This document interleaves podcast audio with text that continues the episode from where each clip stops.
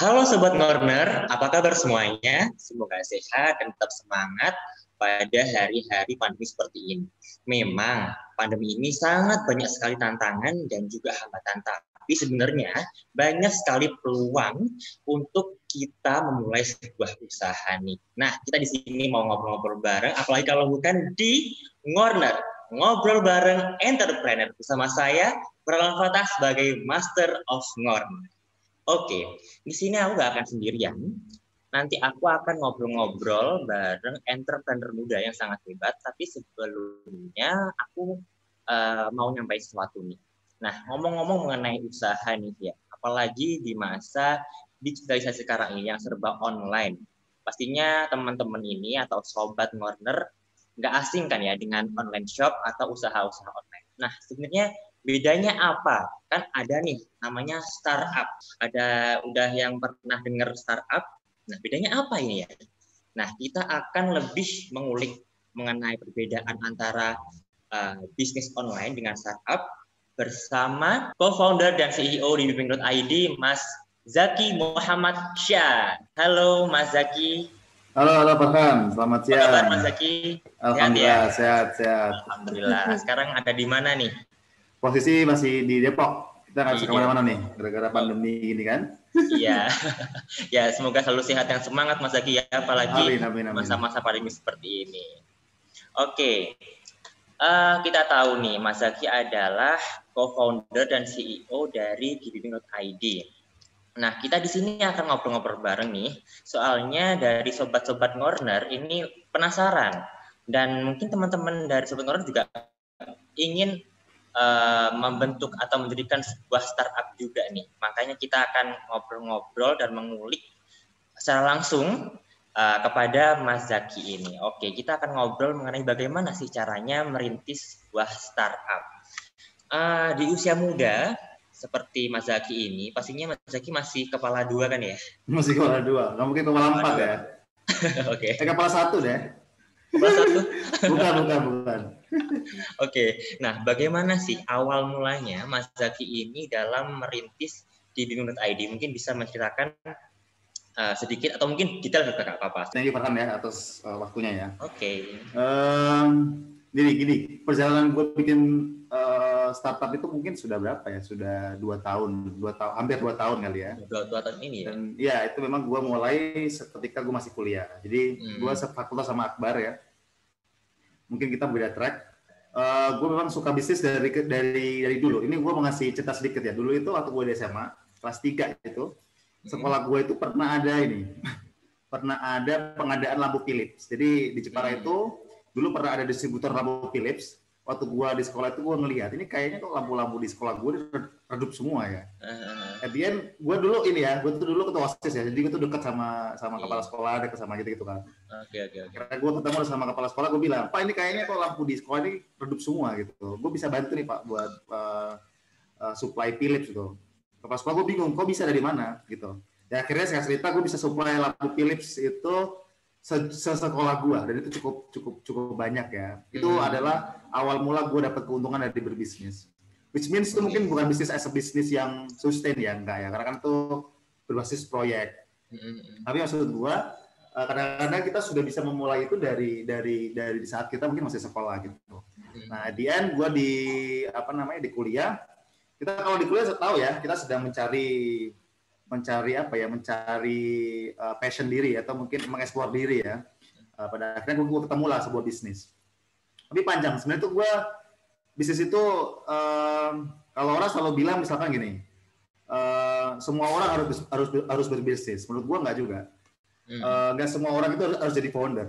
Karena menurut gue is uh, being founder is hard and being employee is also hard. Jadi kita tinggal milih yang mana mau jadi founder atau mau jadi karyawan. Tapi pada akhirnya itu semua tentang pilihannya nah oke okay, karena memang gue memilih memilih bisnis ya maka banyak banget risiko-risiko yang tentu gue ambil. Dulu di tahun 2018 itu gue awalnya itu gue bikin startup namanya ada vendor. Ada vendor ini adalah uh, platform yang menghubungkan antara si pemilik event dengan uh, vendor yang punya event. Jadi gue gue just platform ya, misalkan kayak mungkin sederhananya kayak misalkan kalian punya Tokopedia and then uh, kamu beli barang dari Tokopedia, tapi ini sifatnya sewa-sewa ya, sewa-sewa barang-barang buat event. Hmm. Uh, kayak di imagine ya, traction bisnis gue itu cukup bagus pada waktu itu. Itu gue start bisnis itu tahun 2018 akhir, jadi ya anggaplah 2019. Okay, okay. Baru jalan mungkin setahun, itu traction gue cukup bagus. Bahkan uh, per bulan itu kita bisa handle lebih dari 400 event. Dan and you have to know that uh, pandemi itu kita di kelasnya luar biasa. Kayak okay. lo bisa bayangin ya. Iya. Yeah. bahkan kita minusnya luar biasa. Uh, banyak ya, gue itu uh, gue udah punya karyawan waktu itu. Waktu itu gue ada delapan karyawan dan dan dan hmm. dan itu kan kita harus udah mulai menggaji ya. Hmm. Itu gue benar-benar kolaps, kita minus dan bahkan kita ngutang untuk bayar karyawan gitu. Tapi ternyata pandemi itu juga membawa berkah. Artinya okay. gue di pandemi itu juga gue mau mulai bisnis di bimbing.id. Oh, Jadi maksud okay. gue uh, ada benar mungkin saat ini masih di tahap merayap ya, karena kan kita masih pandemi. Bahkan kita dulu melayani konsumen aja di ditangkap polisi. I mean kita nggak boleh gitu. Aduh. Karena emang pandemi ya, kita nggak boleh bikin event ya. Gua, iya benar. Waktu itu gue juga udah gimana bangun bisnis gitu. Ya itu bisnis bisnis ya. It's also hard gitu. Jadi, hmm. nah akhirnya ya udah gue develop lagi bimbing. Nah di bimbing ini, gue mulai dengan dengan statement ternyata banyak banget orang-orang uh, sekarang itu uh, ini ya uh, butuh skill-skill yang mungkin kompatibel dengan kebutuhan company. Ada hmm. dua sih sebenarnya. Apa sih intinya karir itu ada dua sebenarnya. Satu adalah uh, ada tiga ya kalau kita jelaskan lebih lanjut. Sebenarnya ada tiga. Yang pertama itu kalian jadi profesional. Hmm. Profesional itu ya ya ya udah kalian uh, as a karir, as, as a uh, employee, kalian berkarir di company. Yang kedua adalah bisnis. Ini mungkin risikonya besar tapi gainnya juga, juga juga tinggi. Hmm. Uh, yang ketiga adalah uh, akademisi ini biasanya prestasinya tinggi ya. Misalkan kayak kita umur 25 tahun udah S2 atau S3 itu luar biasa ya. Mungkin beda sama teman-teman yang mungkin fokusnya karir. Mungkin dia di awal-awal karir gajinya udah 8 juta, 10 juta, tapi mungkin nggak hmm. punya titel yang begitu banyak. Kalau bisnis enggak ya. Di situ di awal-awal mungkin lo bisa nol. Tapi yeah, mungkin yeah. setahun dua tahun lo mungkin bisa tiga kali lipat atau mungkin tujuh kali lipat gitu. Hmm. Nah, mungkin uh, nah dengan gue memilih bisnis tentu banyak risiko yang gue ini ya, yang yang pasti gue hadapin ketika pandemi itu gue sadar uh, banyak orang yang memilih karir sebagai profesional dan banyak juga orang yang memilih karir sebagai entrepreneur. Tapi banyak juga skill-skill sekarang itu nggak bisa dijawab sama kebutuhan kuliah karena memang di Indonesia itu memang kuliah itu bukan didesain untuk itu ya, bukan didesain hmm. untuk menjadi seorang pekerja, yeah. tapi memang kita benar, berilmu gitu kan. Hmm. Yaudah, tapi menurut gue, gue perlu sebuah bisnis yang bisa menjawab persoalan itu. Artinya gue bikin di bimbing. Bimbing ini adalah sebenarnya adalah marketplace buat mentorship. Jadi misalkan Farhan ini butuh skill digital marketing misalnya ya. Hmm. Misalkan lo mau berkarir di Tokopedia. Demand uh, karyawan digital marketing kan cukup tinggi ya. Dan misalkan okay. lo di kampus nggak ada, Transmi nggak ada uh, materi tentang digital marketing. And then hmm. gue bisa supply itu kepada kalian dan kalian bisa bayar ke gue. Kemudian setelah itu kita bisa saluri kalian untuk ke pekerjaan gitu. Nah itu yang coba kita jawab di Dinding Idea. Nah ternyata hmm. pandemi kayak gini banyak orang nganggur, banyak orang nggak punya skill, dan at the end di bimbing menjadinya laku jadi sepanjang pandemi itu di bimbing hmm. itu sangat-sangat meningkat ya tapi ada vendor itu hampir minus mungkin minus sekarang nah gitulah mungkin itu buat buat intro ya Oke oke, jadi awalnya memang nggak langsung di bimbing.id ini, tapi sebelumnya masih ada usaha-usaha kayak tadi yang vendor tadi ya. Betul. Kalau pada saat dulu SMA juga pernah ada kepikiran menyuplai apa tadi ya pilih tadi lampu. Lampu, lampu ya. Lampu sekolah ya. Jadi oke okay, berarti menarik sekali ini Mas Agi berarti sejak SMA jiwa-jiwa kewirausahaannya udah udah ada gitu. Akhirnya sekarang sudah ya terbentuklah di ID ini. Oke oke. Menarik sekali. Nah mungkin teman-teman sobat uh, owner ini juga penasaran nih. Dari pembentukan di ID ini sendiriankah atau dengan teman-teman yang lainnya? Atau bagaimana? Oh, oke. Okay. Okay. Uh, eh, ini ya kita harus sadar teman-teman semua ya berbisnis itu nggak bisa sendiri kita bukan Superman kita bukan hmm. Iron Man juga bukan okay. Iron Man ya kita bukan Iron Man jadi kita nggak bisa sendirian tentu kita butuh partner partner ini juga tempatkan dia sebagai partner jadi jangan tempatkan dia sebagai karyawan kalian ini paling okay. penting teman-teman semua ya uh, bisnis gue itu tech base bahkan jadi digital base as in masalah kita perlu website perlu apps mungkin ya Hmm. Dan gue basicnya gue anak fisik bro. Gue nggak tahu bisnis, gue tuh dulu tahu cuma demo-demo doang. Iya. Itu mahasiswa itu tahu gue tuh dulu. Mungkin bisa tanya Akbar ya. Itu gue itu kayak gitu dulu. Emang gue, gue maksud gue beda ya. Tapi maksud gue, once kita punya passion ke arah sana, lo butuh partner gitu. Butuh hmm. partner itu berarti kan butuh butuh diferensiasi skill ya. Maksud gue, gue anak gue butuh teman-teman yang mungkin anak fasilkom yang mungkin bisa support kita secara tech, mungkin butuh anak psikologi ya mungkin bisa support kita secara uh, ini ya manage people gitu karena itu penting hmm. buat gua gua nggak pernah dapat itu ketika gua kuliah. Jadi uh, once lo udah punya skill salah satu yang udah sebutin lo juga tetap butuh partner butuh teman buat mikir. Makanya okay. gue bikin bisnis ini sebenarnya bertiga, ber, bertiga ya mungkin ya. Satu uh, gue bikin bisnis bertiga dan memang uh, teman-teman ini punya punya ini punya job yang berbeda-beda. Uh, lagi teman punya satu dia bagiannya mungkin develop tech dia fokus on develop uh, website dan juga aplikasi. Yeah, yeah. teman gue anak psikologi itu dia fokus on develop people and product and then gue mungkin lebih ke marketing. Jadi gue lebih ke okay. CMO jadi tapi gini karena memang di awal-awal kita uang nggak begitu banyak ya jadi memang kita kan modalnya harus minim bahkan nanti gue akan sharing ya. Gue itu memulai ini tanpa modal sebenarnya. Boh, tanpa modal. Itu uh, jadi kita sekarang itu kan kalau di bisnis itu CEO-nya gue CPO-nya itu Mas Alim namanya. Dia bikin produk dia develop produk gimana produk ini bisa laku dan bagus. And then CTO-nya ada, ada namanya Mas Wildan ini yang dia develop uh, uh, tech di, uh, di, di bimbing ya tapi sekarang kita berangkap gue sekarang nggak cuma CEO gue berangkap kepada uh, CMO. CMO itu fokus pada marketing. Hmm. Dan gue juga CFO, finance juga. Mas okay. Alim juga fokus ke produk, fokus ke people. Dan itu pada akhirnya banyak. Makanya kalau bisa dibilang CEO di awal-awal itu ya bukan chief uh, eksekutif ya, tapi chief everything official. Jadi kita mengerjakan segala-galanya gitu. Jadi itu penting okay. itu di awal-awal teman-teman semua. Ya iya, okay. betul Jadi kalau kita ini orang-orang Tionghoa selalu bilang ya, yeah. jadi kalau berbisnis itu uh, jangan jangan jangan buat diri sendiri, tapi kita bagi-bagi sebanyak mungkin nanti akan menjadi besar gitu. Itu kata okay. orang Tionghoa sih. Tapi okay. segitu katanya ya. iya iya. iya. Oke siap. Jadi bisa digarisbawahi nih dari apa yang disampaikan oleh Mas Zaki ini untuk sobat-sobat Warner. Jadi kita memang mulai bisnis ini harus punya partner gitu ya. Kita bisa sendirian gitu ya Mas Zaki ya. Dan uh, kita juga dari jurusan apa pun bisa untuk mulai bisnis apalagi Mas Agi ini kan dari FISIP kan ya mulai hmm. sebuah usaha kayak ekonomi-ekonomi gini mungkin ya agak tadi juga kebingungan mungkin kan tapi juga ya, dengan partner tadi kita bisa berkolaborasi dan menghasilkan ini tadi di bisnis IT ini. Oke. Okay. Uh, eh, aku yang menarik tadi itu Mas mengenai modal nih. Katanya tadi tanpa modal dalam hmm. mendirikan hmm. di tadi gimana ceritanya? Oke. Okay. Uh, eh, panjang nih. Mungkin gue akan sedikit relate atau gue masih mahasiswa. Jadi gue itu sebenarnya gini, apa namanya, Farhan ya. Uh. Track gue itu dulu kepengen jadi ketua BEM. Ini ini gue bocorkan nih ceritanya. gue tuh dulu pengen ketua BEM. Ya ya you know lah ya. Maksudnya kita tuh pengen keren, of course ya. Iya. Yeah. Mungkin nanti uh, kalau di UI itu, once lo mau jadi mau jadi ketua BEM itu track lo itu harus jadi staff kastrat namanya. Staff mm -hmm. Oke. Okay. itu yeah. kajian dan aksi strategis itu uang demo lah ya, sama tukang yeah. kajian namanya terus kemudian jadi ketua sorry jadi kadep kasat kepala departemen kasat hmm. and then lo bisa nyalon jadi ketua bem itu gue udah ngikutin semua track itu jadi bayangkan ya gue tuh sudah menjadi staf kasat hmm. tahun depannya gue jadi kadep kasat dan gue mau maju jadi ketua bem UI hmm. waktu pemira pemira itu pemilihan raya di kisip itu hmm. dibuka lah pendaftaran gue daftar waktu gue daftar bahkan itu gak ada lawan sama sekali gue sendiri calon tunggal oke okay, oke okay. can imagine ya gue udah bisa bilang gue tua bem sini gue nih gitu kan tapi ternyata ya maksud gue takdir Tuhan itu berbeda pada akhirnya ya. Jadi hmm. uh, Hamid tiga eksplorasi itu kayak mungkin debat pasangan tapi gue tunggal jadi gue di debat sama mungkin uh, semua orang-orang yang memaki-maki gue di situ kan. Yeah. Jadi uh, Hamid tiga hari eksplorasi itu waktu gue mundur. Uh, okay. Ada beberapa alasan. Waktu itu kalau salah alasan orang tuanya lah, uh, orang tuanya kalau salah bangkrut, and then dia nggak bisa melanjutin gitu. Uh, Wah itu stres banget kita Uh. gue udah sampai gue bilang sama si panitia pemilihnya, udahlah nggak apa-apa, gue masih tanpa, tanpa wakil deh gitu. Karena gue sangat ambisius ya maksud gue. Iya. Yeah, panjang ini, gue ini nggak lobby-lobby ke sana, nongkrong-nongkrong ke kanan kiri kanan kiri, semua udah gue lakukan ya. Spending money sudah cukup besar juga lah pastinya kan.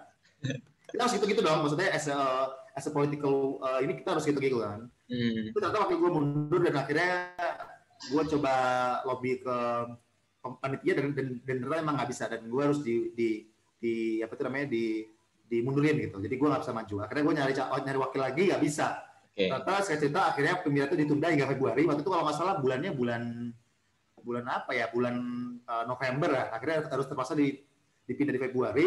Tapi gue udah nggak punya wakil. Gue tuh kalau pilih wakil emang nggak bisa sembarangan. Karena kan kita harus kerja bareng kan setahun yeah, depan jadi gue wakil yang benar-benar cocok buat diri gua. Nah. nggak dapet. Itu saya nantinya jangan bayangkan ya, lo bermimpi-mimpi masuk fisik buat masuk jadi ketua BEM, tapi ternyata lo nggak jadi ya. Gara-gara itu doang. Yeah, yeah. Saya cerita, gue mikir, ngapain kalau nggak nggak jadi ketua band gitu gue harus punya skill yang gue harus punya something yang sebenarnya mungkin uh, lebih besar daripada sekedar ketua band hmm, apa ya yang paling okay. keren waktu itu bikin startup keren banget gitu kayak gitu ya kita okay. kayak kayak sekarang lah ya uh.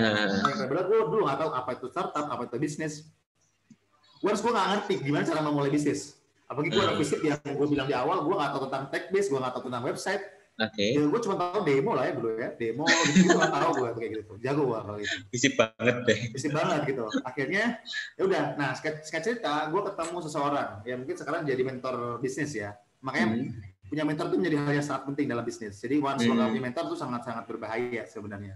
Hmm. Jadi gue ketemu, mungkin pernah ketemu ya, ada namanya startup namanya Scotters.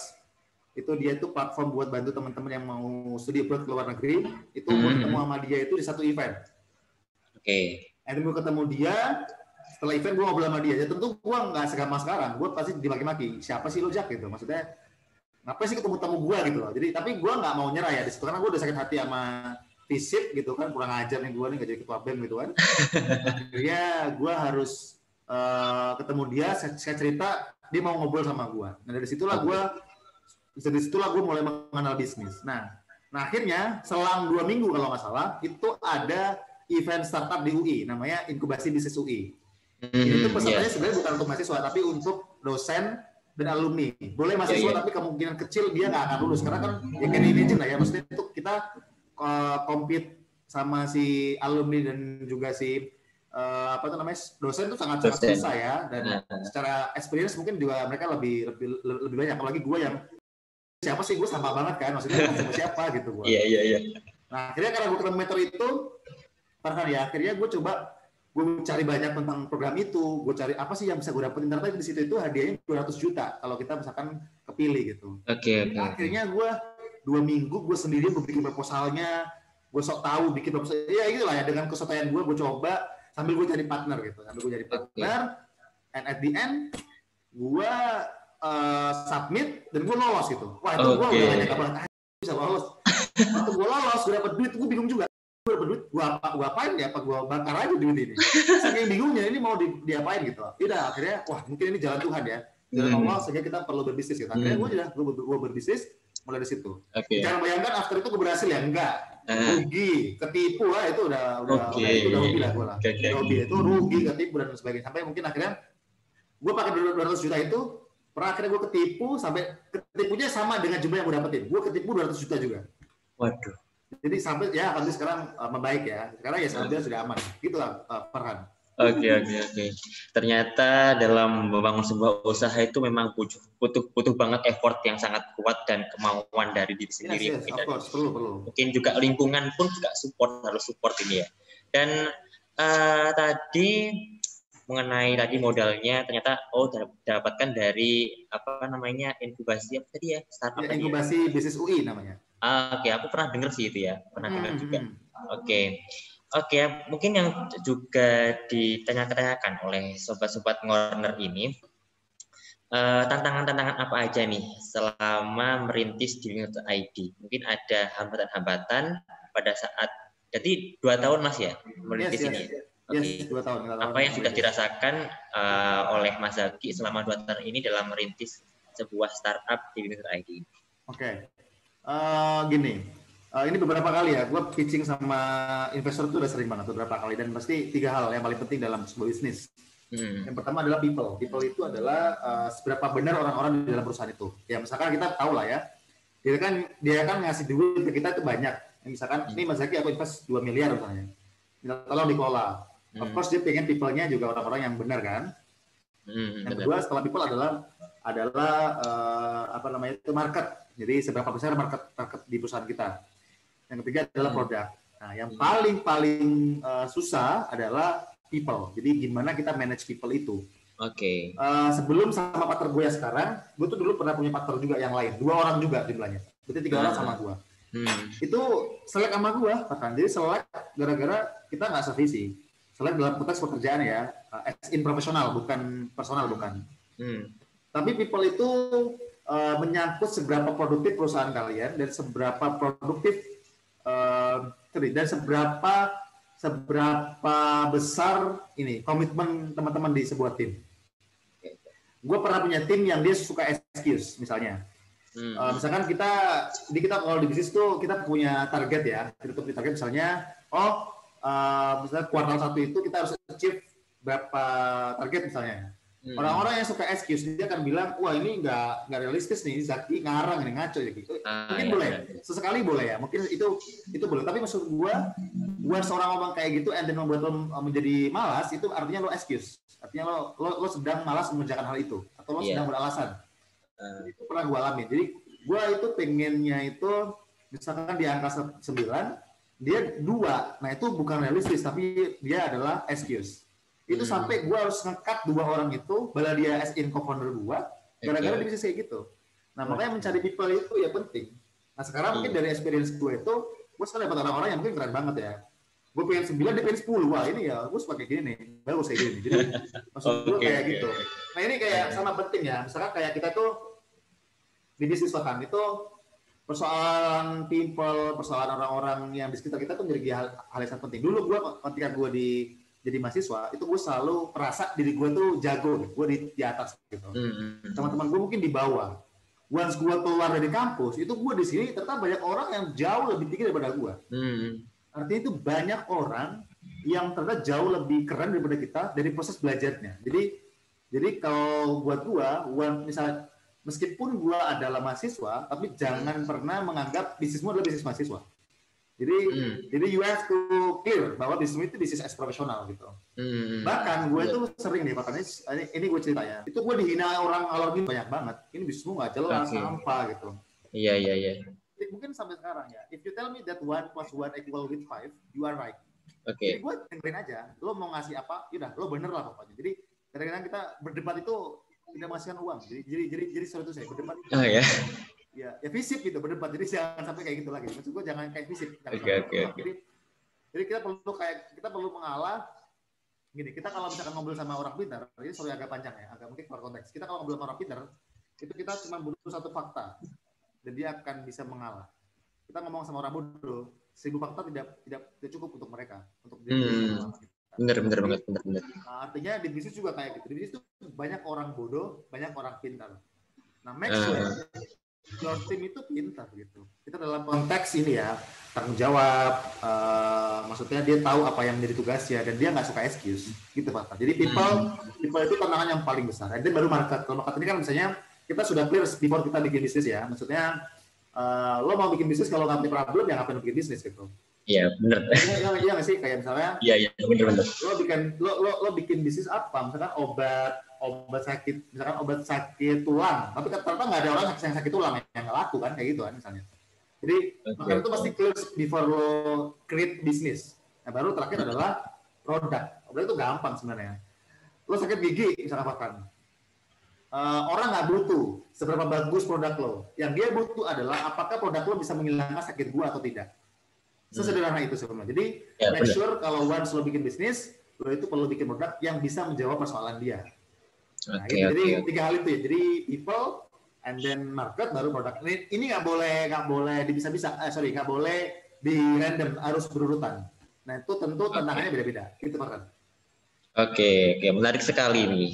Jadi uh, tadi ada people, market, dan ke produk gitu ya. Itu oke. Okay. Oke, okay, mungkin dari Mas Zaki ada nggak uh, kata-kata semangat untuk teman-teman sobat corner nih ngobrol bersama entrepreneur supaya mereka juga tergugah membuat hmm. sebuah usaha, usaha apa pun itu atau mungkin khususnya seperti startup yang didirikan oleh Mas Zaki dan teman-temannya. Oke. Okay. Nah, ini sering ya, gue tuh sering diundang acara-acara mahasiswa, gue selalu bilang teman-teman mungkin mahasiswa atau mungkin mahasiswa ya. Yeah. Uh, the best way to be rich itu entrepreneur. Jadi jadi harus clear. Jadi cara cepat menjadi orang kaya itu menjadi entrepreneur. Oke. Okay. Uh, ini gue kasih tahu, uh, Farhan ya. Kamu nabung sejuta setiap bulan, if you are employee, sejuta setiap hari, lo dapat duit satu miliar, itu lo butuh waktu 83,3 tahun. Lo mau beli rumah selama itu? Kan nggak mungkin, ya nggak? Nggak mungkin. Kita mau beli rumah 83 tahun, ya kita sudah meninggal ya. Jadi maksud gue, oh, iya. lo employee, misalkan nabung lo berapa sih gaji kalian? Uh, 6 juta, 7 juta misalnya 7 juta ya. Itu skala hmm. uh, Jakarta udah cukup tinggi untuk fresh grad. 7 juta. uh, kosan, apartemen dan sebagainya 2 juta dan makan dan sebagainya mungkin 5 juta. Lo bisa bisa nyisa 2 juta. Once lo nabung 2 juta per month itu udah cukup baik ya dalam konteks hmm. menabung. Yeah. Itu lo berarti butuh waktu berapa? 40 tahun lebih baru punya uang 1 miliar. Makanya selalu bilang the best way to be rich itu adalah entrepreneur gitu. Jadi, okay, okay, salah. Dan mungkin kalau kita kaitkan ya, kita Rasulullah tuh sering bilang sembilan dari pintu rezeki adalah perniagaan. Perniagaan hmm. itu bukan dagang, tapi bisnis. Jadi kita beda hmm. ya. Dagang itu dari dagang itu misalkan bahkan punya cilok, jualan cilok itu dagang. Bisnis itu giving okay. value. Misalkan lo punya cilok, lo kasih kemasan yang bagus, and then lo bisa jual yang lebih mahal. Itu namanya bisnis. Okay. Jadi okay. membeli value. Jadi itu. Jadi uh, ini yang gue bilang ya. Maksudnya uh, bisnis itu itu. Jadi ya kita bisa tahu lah ya uh, berapa sih harga rumah sekarang. Bahkan kalau misalkan lo menjadi entrepreneur itu, eh sorry, menjadi karyawan itu ya kayak gitu hasilnya. Ya itu hmm. itu mungkin uh, sebagai semangat. Satu itu tentu ya. Kedua yang membantu orang. Ya nggak iya nggak sih? Jadi kalau misalkan ya, once lo misalkan as a company lo punya company misalkan uh, lo punya karyawan itu lo pasti punya tanggung jawab ya. Maksudku gue tuh ada karyawan berapa ya? Se sebelas. Di, di sebelas. yang harus yang harus yang hidup dari di dinding. Maksudnya dia itu hidup dari di dinding ya oke okay, okay. nggak ngasih duit ya berarti dia nggak mungkin nggak makan ada itu artinya itu ada tanggung jawab yang harus kita kasih ya nggak makan artinya kita tuh okay. bisa ngasih anjir tapi kata itu kita harus menghidupi orang ya gitu. Itu pahala kita juga luar biasa tentunya ya. Okay. Jadi kita juga punya pahala, bisa bantu orang, dan kita bisa bisa gue tuh kalau bisnis bisa meeting tanpa mandi. Jadi gue tuh bisa meeting gak usah mandi gitu. Kalau misalnya kita kerja kan harus mandi ya. Yeah. Kalau gue bisnis itu gue bisa meeting jam 8 pagi gue nggak usah mandi dulu ya udah gue bisa meeting. Yeah. Ya kan? Enak yeah. kan? Enak kalau kalau misalkan lo misalkan karyawan mandi lah lebay lah mager juga. Tapi jangan sampai jadi malas ya. Iya, yeah, yeah, jangan sampai jadi malas mandi jangan nah tapi maksud gue lo bisa meeting gak usah mandi gitu. Itu penting loh bahkan itu emang itu bisnis jadi menurut gua itu enaknya bisnis ya. Jadi kita bisa santai. Tapi nah makanya sebenarnya di bisnis itu perlu beberapa variabel ya hmm. nah, tentu skill terutama makanya kalian perlu belajar di dibimbing.id gitu oke okay, siap Oke, teman-teman sobat Ngorner nih, tadi udah kita dengerin, kita ngobrol-ngobrol bareng sama Mas Zaki bagaimana sih caranya merintis startup dari mulai awal merintisnya sampai sekarang berjalan sampai hampir dua tahun ini. Tadi juga sudah dijelasin mengenai bagaimana uh, mendapatkan modelnya. Ternyata modelnya tadi dari sebuah event dan juga sudah banyak sekali mungkin hambatan-hambatan yang dihadapi mungkin dari people-nya, terus marketnya dan produknya. Nah, berarti teman-teman ini jadi support corner, yuk kita sama-sama uh, semangat dan tumbuhkan jiwa-jiwa kewirausahaan kita untuk menjadi entrepreneur muda karena ini adalah sebuah peluang untuk kita semuanya untuk menjadi orang sukses dan menjadi generasi penerus bangsa Indonesia ini gitu ya Mas Aki ya oke okay. betul betul betul betul oke okay. mungkin ada pesan-pesan lagi untuk sobat-sobat corner ini Mas Zaki sobat corner ya ya um, gitu teman-teman semua kalau mungkin teman-teman masih student masih mahasiswa mm -hmm. atau mungkin masih sekolah atau mungkin udah lulus oke okay Okay. Uh, kalau memang passionnya di bisnis, aku sih udah bilang di awal sebenarnya nggak semua orang harus, harus berbisnis, tapi hmm. berbisnis itu adalah cara cepat menjadi orang kaya, ya kan? Okay, Jadi maksud yeah, gua, artinya kalau teman-teman mau berbisnis, mulai dari sekarang. Okay. Sekarang nyari modal itu gampang kok, nggak harus modal sendiri. Banyak hmm. event di Indonesia ini yang memprovide modal. Hmm. Syaratnya satu, serius, terus bisnis yang clear, tahu marketnya dan tahu produknya. Hmm. Terus yang kedua, uh, pokoknya kalau buat yang masih student, masih mahasiswa, dimulai dari sekarang. Jadi once lo udah lulus, lo kan nyari kerja, tapi nyari karyawan. Seru kan? Oke, oke, oke. Jadi, ya itu. Yang ketiga ya tentu dengan bisnis kita bisa bantu orang ya. Artinya teman-teman semua ini kita bisa ibadah dengan cara itu. Enak, nggak usah mandi setiap hari kan enak. Nggak nggak pada marah-marah sama orang gitu. Jadi itu enak lah. Gitu loh kan. Oke, terima kasih Mas Zaki atas waktunya sudah mau diulik-ulik nih, mau apa di corner ini ngobrol bersama entrepreneur muda kita, CEO dan co-founder dari Dimut ID. Oke teman-teman, kalau semuanya suka dengan siniar dari Kompas Banyuwangi ini, Ngorner ngobrol bareng entrepreneur ini, silahkan untuk uh, klik tombol like dan juga berlangganan dan juga klik tombol lonceng supaya semuanya ada siniar baru kalian bisa nonton dan dengerin ini. Dan juga jangan lupa untuk klik tombol bagikan. Kalau semuanya konten-konten dari Kompas Dunia ini bagus dan bermanfaat untuk kalian semuanya. Oke, okay. oke okay, Mas Zaki, terima kasih uh, atas waktunya. Semoga bermanfaat dan semoga sukses selalu uh, dalam menjalankan di Buntu ID ini. Oke. Okay. Terima kasih Mas Zaki. Sama. Sama. Oke.